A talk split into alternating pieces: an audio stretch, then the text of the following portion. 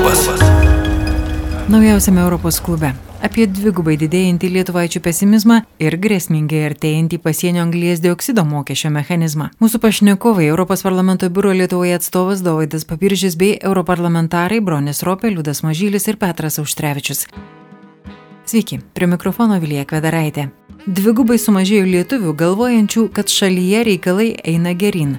Optimistų liko vos ketvirtadalis - 26 procentai. Kad reikalai gerėja ES, Lietuvoje taip pat sumažėjo dvigubai. Nuo pernykščių 70 procentų liko vos 35. Apie naujausios Eurobarometro apklausos rezultatus pasakoja Europos parlamento biuro Lietuvoje atstovas Dovaidas Paviržis. Naujausios Eurobarometro apklausos duomenimis beveik trečdalis apklaustųjų, na 32 procentai Europoje, Europoje mano, kad demokratija svarbiausia vertybė, kurią reikėtų ginti. Lietuvoje kiek nuomonės kitokios. Vis ES 27 procentai laiko prioritetų žodžio laisvę, žmogaus teisų gynimą irgi panašus skaičius, bet kai kuriuose vietose rezultatai Lietuvoje iš ties, jeigu nestebina, tai bent jau na, verčia sunerimti. Kuo labiausiai išsiskiria Lietuva? O tai iš tikrųjų sunkus klausimas, nes labai įvairių čia yra tų domenų, tai na, jos galima tikriausiai būtų skirstyti į dvi dalis daugiau, kada mes kalbame apie požiūrį į ES, į ES institucijas, konkrečiai Europos parlamentą ir jo prioritetus, na ir į tam tikrą bendrą e, piliečių požiūrį į demokratiją, į tai kaip jie jaučiasi, išklausyti, kaip jie jaučiasi, ar jų valstybė veikia tinkamai ir ar apskritai uh, valstybėje reikalai klojasi labiau viskas į gerą ar labiau į blogą.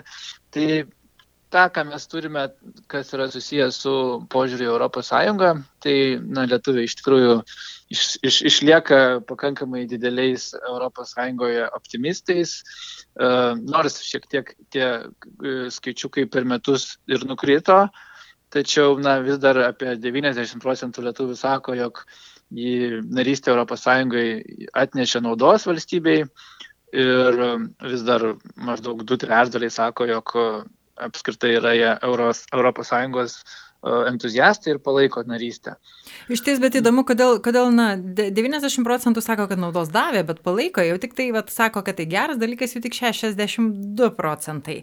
Um, ir tą naudos matymą, kas nulėmė, pavyzdžiui, ar ne, kad tai visiškai ekonominės priežastys. E, darbo judėjimas kažkur tai, ar ne, tai ta prasme, grinai e, ekonomika, atlyginimai augantis, panašu, kad tokie dalykai yra svarbiausi, na, kurie lemia tą teigiamą požiūrį. Ar tiesa? Na, aišku, geriau į tai galėtų atsakyti sociologai psichologai, politologai, kurie tikriausiai nagrinėja tas priežastis konkrečiau. Mano spėjimas būtų, kad taip, vis tiek per šitą laiką, kurį mes praleidom Europos Sąjungoje, e, nemažai žmonių pasinaudojo studijų galimybėmis, nemažai žmonių pasinaudojo atviros darbo rinkos galimybėmis, didelė dalis e, dirbančiųjų vienaip ir kitaip susiję ir su laisva rinka Europos Sąjungoje, su priekyba laisva, tai tie ekonominiai, ekonominiai faktoriai be abejo yra labai svarbus. O, na, žiūrint į pastarųjų metų aktualės, visgi turėjome ir migrantų antplūdį, ir sveikatos krizę, tai, na, žinoma, šie dalykai greičiausiai irgi turėjo įtakos bendram požiūriui, nes vienai par kitaip šituose klausimuose dalyvauja ir Europos Sąjunga. Na ir Europos parlamento pats vaidmuo, jisai vertinamas, sakykime, kai kuriuose vietose šiek tiek kitaip, ar ne, negu Europos Sąjungoje. Ir pavyzdžiui, kad, kad demokratija labiausiai turėtų ginti Europos Sąjungoje 32, bet Lietuvoje 27. Bet pavyzdžiui, kad lygybė tarp moterų ir vyrų Lietuvoje vos 10 procentų mano, kito tarp Europos Sąjungos vidurkis 24. Na yra tokių vietų, pavyzdžiui, teisės viršienybė lietuviams irgi nelabai įdomi. Žmogaus orumas, įskaitant mirties bausmę, vėlgi Lietuvoje vos 11, kai Sąjungos 17, 7, Europos Sąjungos vidurkis 17.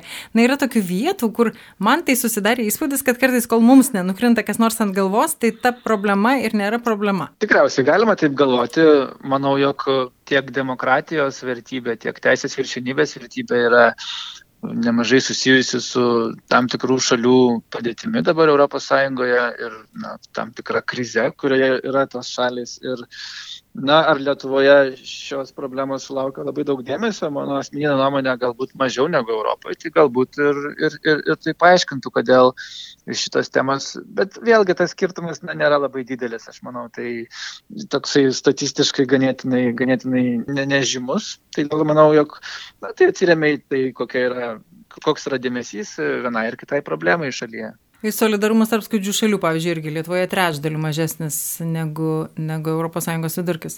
Kova su skurdu ir migracija dvigubai negu vidurkis, pavyzdžiui, ES pas mus e, rūpė. Migracija labai įdomu, ar galbūt atsimintumėte, kiek buvo prieš 2019 metus, kol neprasidėjo pas mus šitą situaciją, nes tai man atrodo kažkurioje labai labai apačioj buvo. Taip, taip, iš tiesų migracija, migracijos rodiklis labai pasikeitęs ir anksčiau tai būdavo mes tikrai žemiau negu ES vidurkis, dabar yra beveik dvigubai daugiau. Tai tikrai, tikrai čia šis klausimas akivaizdžiai uh, iškilo, bet na, tikriausiai tai ir natūralu, jog jis iškilo, kada pas mus situacija su, su, suaštrėjo šitoje vietoje.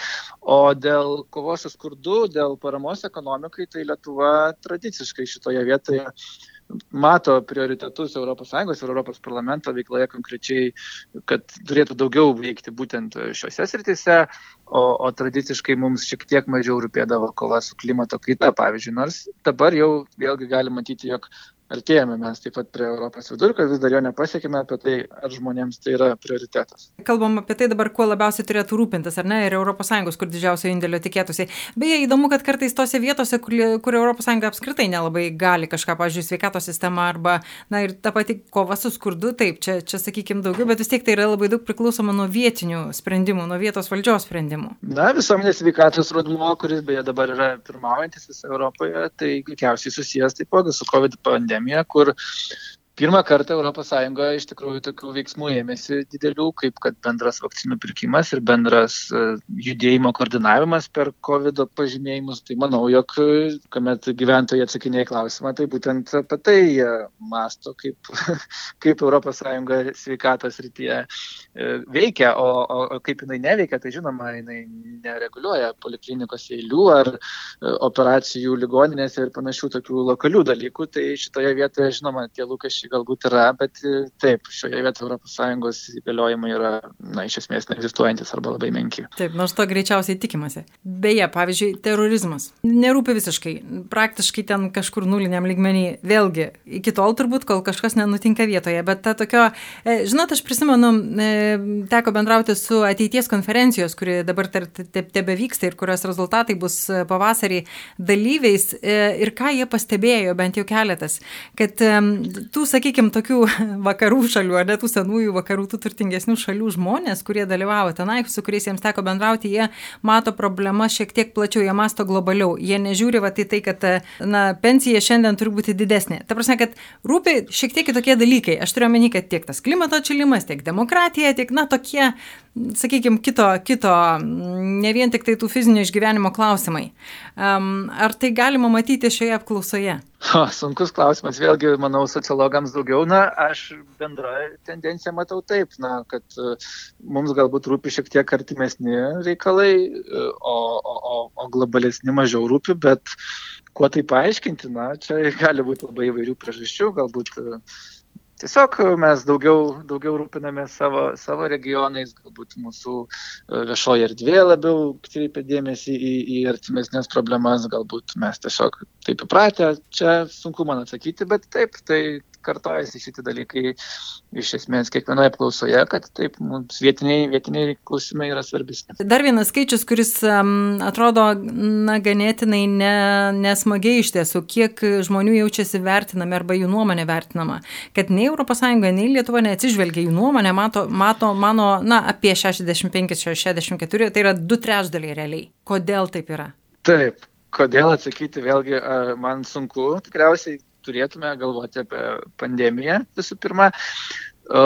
Galiu pakomentuoti pačius rezultatus. Iš tiesų, kad per metus žmonių, kurie galvoja, jog ES atsižvelgiame jų nuomonę, Lietuvoje sumažėjo 12 procentų, procentinių punktų, o kad Lietuvoje atsižvelgiama yra 11 procentinių punktų. Tačiau tikriausiai na, toks pavojingiausias bendras lygis būtent apie tų, tų žmonių, kurie galvoja, jog Lietuvoje atsižvelgiama jų nuomonę, Tai šitoje vietoje mes du kartus atsiliekam nuo ES vidurkio, tik 29 procentai galvoja, kad atsižvelgiama jų nuomonę, kai ES taip galvoja 58 procentai. Čia jų pačių šalyje. Jų pačių šalyje, taip, nes ES tai skaičiai Taip, Lietuvoje taip pat yra nuosmukis, bet mes vis dar atrodom pakankamai neblogai šitoje vietoje, nes ir kitose šalyse, na, žinot, tie ES sprendimų procesai daugam yra sudėtingesni, galbūt šiek tiek, bet būtent jų šalyje, kas jau yra, na, šiek tiek artimiau visada, tai iš tikrųjų mūsų rodiklis yra labai, labai, labai neraminantis. Na ir daugiau, ir daugiau yra tokių neraminančių rodiklių. Iš tikrųjų galiu paminėti, e, klausimas buvo apie tradicinis, taip pat apie pasitenkinimą demokratiją, pavyzdžiui, kaip demokratija veikia Lietuvoje ir kaip demokratija veikia Sąjungoje. Tai Lietuvoje žmonių, kurie yra patenkinti, e, yra 41 procentas ir tai yra 13 procentų mažiau negu prieš metus. Kaip veikia demokratija Europos Sąjungoje, patenkintų 51 procentas, vis dar neblogas, tačiau taip pat 16 procentinių punktų žemiau negu per metus. O, o, o iš tikrųjų toks didžiausias nuopolis yra klausimas apie bendrai, kaip Jūs manote, ar reikalai jūsų šalyje arba Europos Sąjungoje labiau eina į gerą ar labiau į blogą. Tai tokių, kurie galvotų, jog Lietuvoje reikalai yra į gerą, yra 26 procentai ir per metus tai yra nu, kritimas minus 28 procentiniais punktais. Tai mes pagal tą kritimą esam pirmi Europos Sąjungoje, o pagal tai, ka, pagal tai ar žmonės yra patenkinti, mano, jog reikalai gerai klostosi pačioje Europos Sąjungoje, taip pat yra taip manančių 35 procentai du kartus nukrito per metus, tai reiškia prieš metus buvo 70 procentų taip manančių, o dabar yra 35 procentai taip manančių. Tai iš tikrųjų šitie du rodikliai rodo, jog tikrai esama nemažo nusivylimų tuo, tuo, kaip apskritai Lietuvoje ir ES pastaruoju metu vyksta gyvenimas ir kaip, kokie politiniai procesai ir visuomeniai. Ko gero tai labai susiję, vis dėlto yra kaip vyksta Lietuvoje, tai natūraliai persikelia tos nuotaikos ir į bendrą tą, tą europinį turbūt kontekstą žmonių nuotaikas, aš turiu omeny, kad vertinimas toks. Taip ir mes vėlgi tikriausiai neišvengiamai turim kalbėti apie klausimus, kurie nebūtinai susiję tiesiogiai su ES. Ir tiek ir tiek ir su artimiausiais mūsų kaimynais tai yra nemažai įtampų, tiek ir geopolitinių įtampų, pavyzdžiui, su Kinija. Na, objektyviai tikriausiai sunku atsakyti klausimą, ar viskas eina į gerą, labiau, kai, kai yra tokios sudėtingos situacijos, tai tikriausiai tai atsispindi ir šitoje apklausoje. Ir dar vienas momentas e, - nepasitikėjimas, nežinau, ar savo jėgomis, ar vyriausybė, kaip tai pavadinti, bet, e, na, vyrauja nuomonė, kad mūsų vyriausybė labai nedaug lemia bendrai ES sprendimuose. Tai irgi vienas iš tokių. Ten, man atrodo, mes, mes, mes irgi šiek tiek iškrintam, net ne šiek tiek, o smarkokai iškrintam iš ES konteksto. Taip, bet šitas klausimas reikia pastebėti, jog, na, jis nėra naujiena.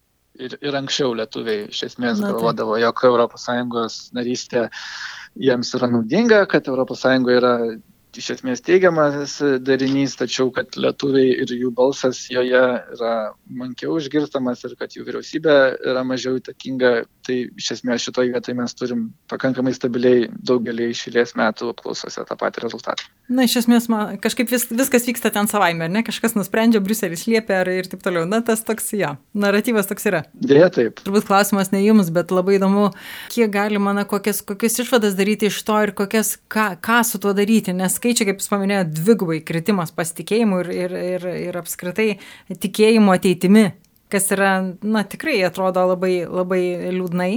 Aišku, kai tau nuolatos karas panosiai, tai irgi viena iš priežasčių, pandemija irgi nieko gero čia net nešė, bet iš tikrųjų tai netgi pernai, man atrodo, nuotaikos buvo gerokai geresnės. Taip, nuotaikos buvo geresnės. Na, be abejo, reikia pasakyti, jog ne, visus, ne viską ir gali padaryti ES iš tikrųjų ir be, ir be abejo, kad tos apklausos na, persipina juose tos priežastys ir sunku dažnai atskirti, kur čia yra ką, ką, ką gali su to daryti galim iš tiesų ir ko negalim. Na, bent jau tai, kas yra susijęs su ES veikimu, su ES sprendimų supratimu. Beje, šitą apklausą taip pat parodė, jog europiečiai norėtų daugiau informacijos apie ES, norėtų geriau suprasti, kaip yra panaudojamas biudžetas, pavyzdžiui.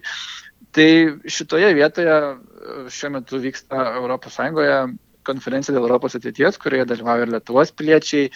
Ir stengiamasi ieškoti tų sprendimų, kurie priartintų ES sprendimus ir galbūt labiau paprasti, supaprastintų juos ir labiau jie būtų suprantami ir paaiškinami žmonėms.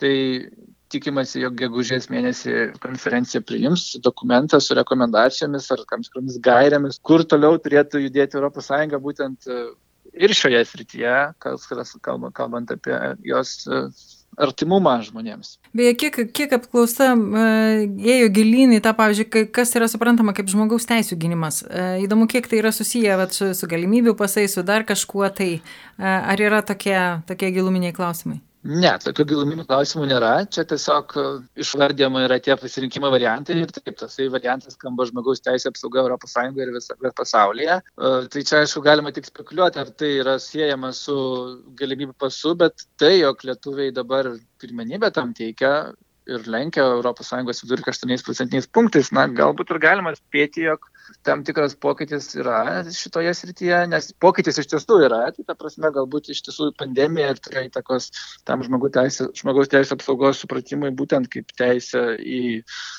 na, judėjimą, į teisę į, į tam tikras paslaugas, turint ar neturint pažymėjimus, skiepų įrodymus ir panašiai. Europos klubui pasakojo Europos parlamento biuro Lietuvoje atstovas Dovydas Pabiržis. Dar viena Europos klubo šiandienos tema - artėjantis pasienio anglės dioksido mokesčio mechanizmas. Europos parlamento aplinkos komiteto pranešėjas Mohamed Hachim, socialistų atstovas iš Niderlandų, pateikė savo pranešimo projektą, kuriame siūloma išplėsti sritis, kuriams bus taikomas anglės dioksido išlyginimo mokestis skaičių ir skubinti jo įsigaliojimą. Aplinkos saugos organizacijos palankiai vertino dokumentą ir pasiūlymą spartinti apyvartinių taršos leidimų naikinimą. Vietoj 2036 jie nustotų galioti jau 2028-aisiais. Visas aplinkos komitetas teksto pataisą siūlo iki šios savaitės pabaigos. Pramonės ir energetikos komitete dirbantis žaliųjų frakcijos atstovas Bronis Ropė aiškina, kaip mechanizmas veiks. Nu, dar tokių e, konkretesnių, sakykime, baigiamųjų diskusijų dar nebuvo, dar tik tai tokie, sakykime, pasidalinimai, bet tas pats principas, kad kažką tai reikia sugalvoti, tai jisai kaip ir sugalvotas ir komisijos pateiktas ir pateikti ten keli variantai ir tuos variantus jau žinai tada galės rinktis e, importuotojai. Mhm. Ar jie rinksis variantą mokėti tą faktinį pervežimo mokestį, ar rinksis savo šalies, e, reiškia, e, taikomą ATL sistemą ir sumokama dalį mokesčių e, ir, ir skirtumą tik tai sumokėti. Tai Padaroma ta... tokia mhm. galimybė, kad, sakykime, e, importuoja Ukraina, Ukraina ne? Mhm. Vienas variantas, reiškia, pavyzdžiui, kažkokį baldą, ne? Nu tai, e, reiškia, ant sienos, reiškia, yra, sakykime, ta lentelė, pasižiūri, kad baldų gamyboje yra toks, reiškia, sukeliamas išmetimas pagal Europos sąlygas ir tiek kainuoja ir tiek prašau susimokėti, reiškia, ten pagal svorį ar, ar pagal ką aš dar, šitai dar, dar šitie dalykai eis. Tai vienas variantas. Antras variantas, ten pavyzdžiui, Ukrainoje yra išmetimų sistema ir Ukraina įsipareigojus e, tą mokestį tokį tai taikyti ir skirtumas lieka ten, sakykime, 20 procentų tarp Europos. Tai vad nusiperka tą skirtuminį leidimą ir veža. Ir e, tokiu būdu taikomas ne tik tai tam gaminiui, bet ir visoje šalyje atsiranda e, galimybė, reiškia, e, taikyti mokesčius. Tik tai, tai, va, tai to, tokie du esminiai skirtumai. O ten paskui pagal laiką vieni yra tie, tie pervežimo mokesčiai iš karto taikomi, tada atskirose šalyse gali nusipirkti leidimą skirtumui, tada dar bus galimybė šaliai E, taikyti reiškia, per 10 metų įsivedinėti, reiškia. Iki tam tikro dydžio. Jo, iki 26 metų jau e, pradėti ir tada per 10 metų įsivesti ir atitikti Europos vidurkį.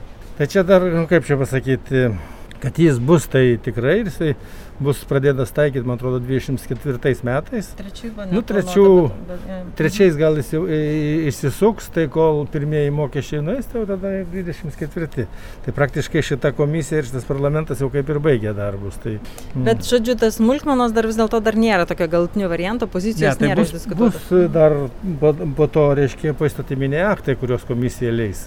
Taip tom visom smulkmenom, na tai kaip ir kitos, kitose reglamentuose, ten, sakykime, jeigu ten paimsi ir, ir kad ir žemės ūkio reglamentą, tai reglamentas yra, paskui, reiškia, jau eina e, strateginiai mhm. planai, mhm. paskui tų strateginių planų derinimas, vertinimas, ta, ta, ta, ta, ta, ir prasideda, ir prasideda. Nu ir čia, na, šalis turės kelis pasirinkimus ir kokie ten berods penki ar šeši pasirinkimai ir kokį pasirinkimą pasirinks šalis, tai taip tada ir importuotojai taip turės elgtis. Mm. Dar kalbam apie išimtis, apie išimčių galiojimą ir apie, na, žalie, žaliųjų bent jau tam pasiūlymą, apie e, antrinius tos šaltinius, pavyzdžiui, energijos, e, kad būtų taikomi ir šitiems visiems antriniams e, naudotojams. Ne, tai praktiškai tu, rezultate turi sueiti viskas.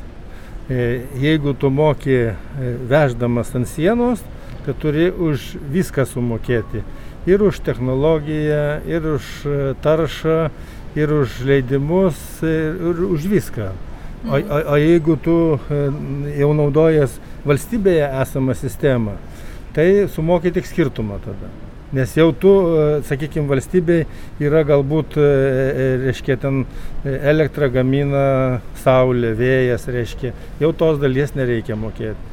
Nu, vienu žodžiu, mhm. nu, aš manau, kad čia bus pakankamai negreitas laikas, kaip viskas įsivažiuos. Vis tiek norai yra vienas dalykas, čiagi tas mechanizmas paprasčiausias noras, kad būtų mažiau, e, reiškia, pažydinėjimą konkurenciją Europinį. Ir savotiškai skatinti kitas šalis, kurios importuoja, kad jos prisidėtų prie žaliojo kurso. Tai. Sakė europarlamentaras Bronis Ropė. Tačiau didžiausias Europos parlamento frakcijos narys Liudas Mažylis sako, kad jų frakcijoje abejonių dėl tokio mechanizmo įsigaliojimo dar labai daug. Reiškia, visai rimtai yra šnekama, kad toks mechanizmas ne, gali nepradėti veikti. Jis yra keistinas. Bet tai ir tiek. Bet tik tiek, ne? Tik frakcija, tiek. frakcija mano, kad... Šiuo metu verda, taip sakant, svarstymai. Problemų ir prieštaravimų kelia ir Europos komisijos metų pabaigoje šalims narėms išplatintas siūlymas žaliai energijai priskirti ir branduolinę energiją bei gamtinės dujas. Tampa dar neaiškiau, ką reiks vertinti ir skaičiuoti naujajame mechanizme. Tai jeigu tas bus